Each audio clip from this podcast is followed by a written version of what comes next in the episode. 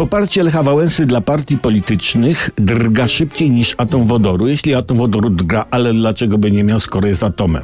Ale może mylę z jądrami, nie wiem. W każdym razie sytuacja zmienia się z nanomilimetra na milistopień Celsjusza. Na początku był za e, Lech Wałęsa za poko, ale kiedy nazwał Kornela Morawieckiego zdrajcą i Grzegorz Schetyna odciął się Lech Wałęsa, poparł Kosiniaka Kukiza. Ale chłopaki przestraszyli się z PSL-u takiego poparcia, schowały się w krzakach, sugerując panu Lechowi, żeby poszedł może popierać kogo innego. No i Wałęsa usunął z fejsa wpis o poparciu PSL i chodzą słuchy, że dzisiaj Lech Wałęsa ma poprzeć lewicę. Żeby się zabezpieczyć, lewica dała nam mszę w intencji, żeby jednak nie popierał.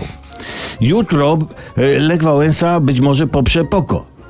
A nie, to już było. A co tam?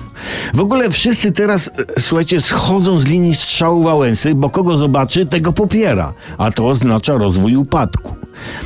Mi osobiście, mi Lech Wałęsa przypomina kota Kaczyńskiego, bo wygląda na to, że też jest na garnuszku i kuwecie prezesa. No bo no, no za darmola takich wol na rzecz PiSu by nie wykonywał. No.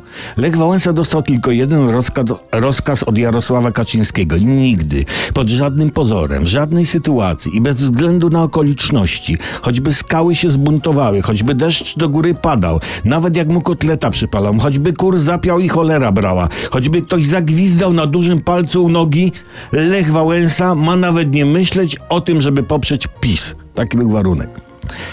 Poeta, gdyby żył, napisałby kogo Wałęsa Lech popiera, ten zęby z podłogi zbiera.